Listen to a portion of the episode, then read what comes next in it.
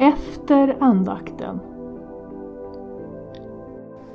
Och eh, i Gamla Testamentet så talar ju eh, Bibeln talar ju, berättar då historien om, om det judiska folket, hur det utvecklades. Och om man läser Gamla Testamentet noga så ser man det är egentligen en, en lång rad misslyckanden hela tiden. Alltså det, det, det tar liksom aldrig slut.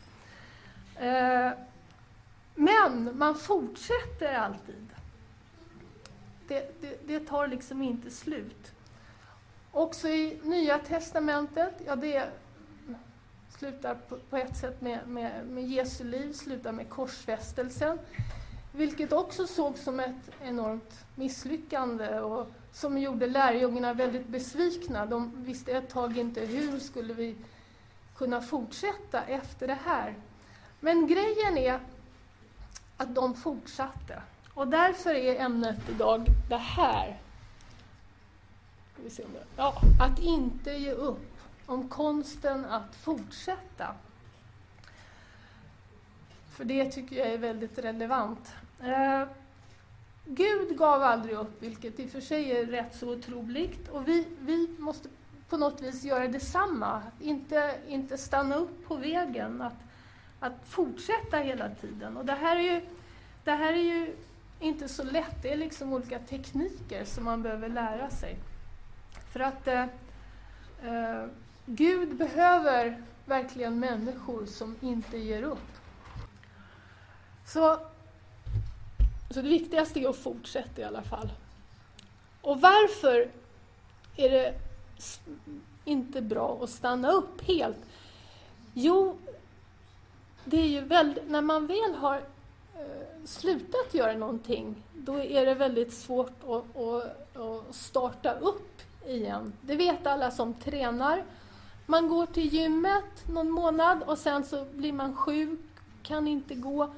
Då är det plötsligt jättejobbigt att gå tillbaka till gymmet. Jag vet inte om ni har upplevt det, men det har jag upplevt. Ja, det, det, det är svårt liksom. Det här det kallas för re-exit strategy. De, de, är väldigt jobbiga. Liksom. Man har slutat med någonting som är väldigt bra och så ska man börja igen. Så det, det, det är aldrig bra. Så det gäller att liksom, på något vis, på det ena eller andra hållet, eh, fortsätta. Inte helt stanna upp. Och varför ska vi vara det? Ja, you should be a person who can establish the heavenly kingdom rather than just the one who can go there. Those who can go to heaven are those who wish to be dependent on God. But those capable of building the kingdom are those who can let God depend on them. Så grejen är, vi ska inte stanna upp för att Gud måste kunna lita på oss. Ibland är, i, i den religiösa tron är frågan är, tror vi på Gud? Men man kan också vända på det och, och fråga, kan Gud tro på oss? Och vi måste ge Gud anledning att tro på oss. Det kanske är egentligen det, det viktiga. Och speciellt viktigt är det här vid extrempunkter i livet. När man egentligen vill ge upp, när man är trött, ledsen och känner sig låg.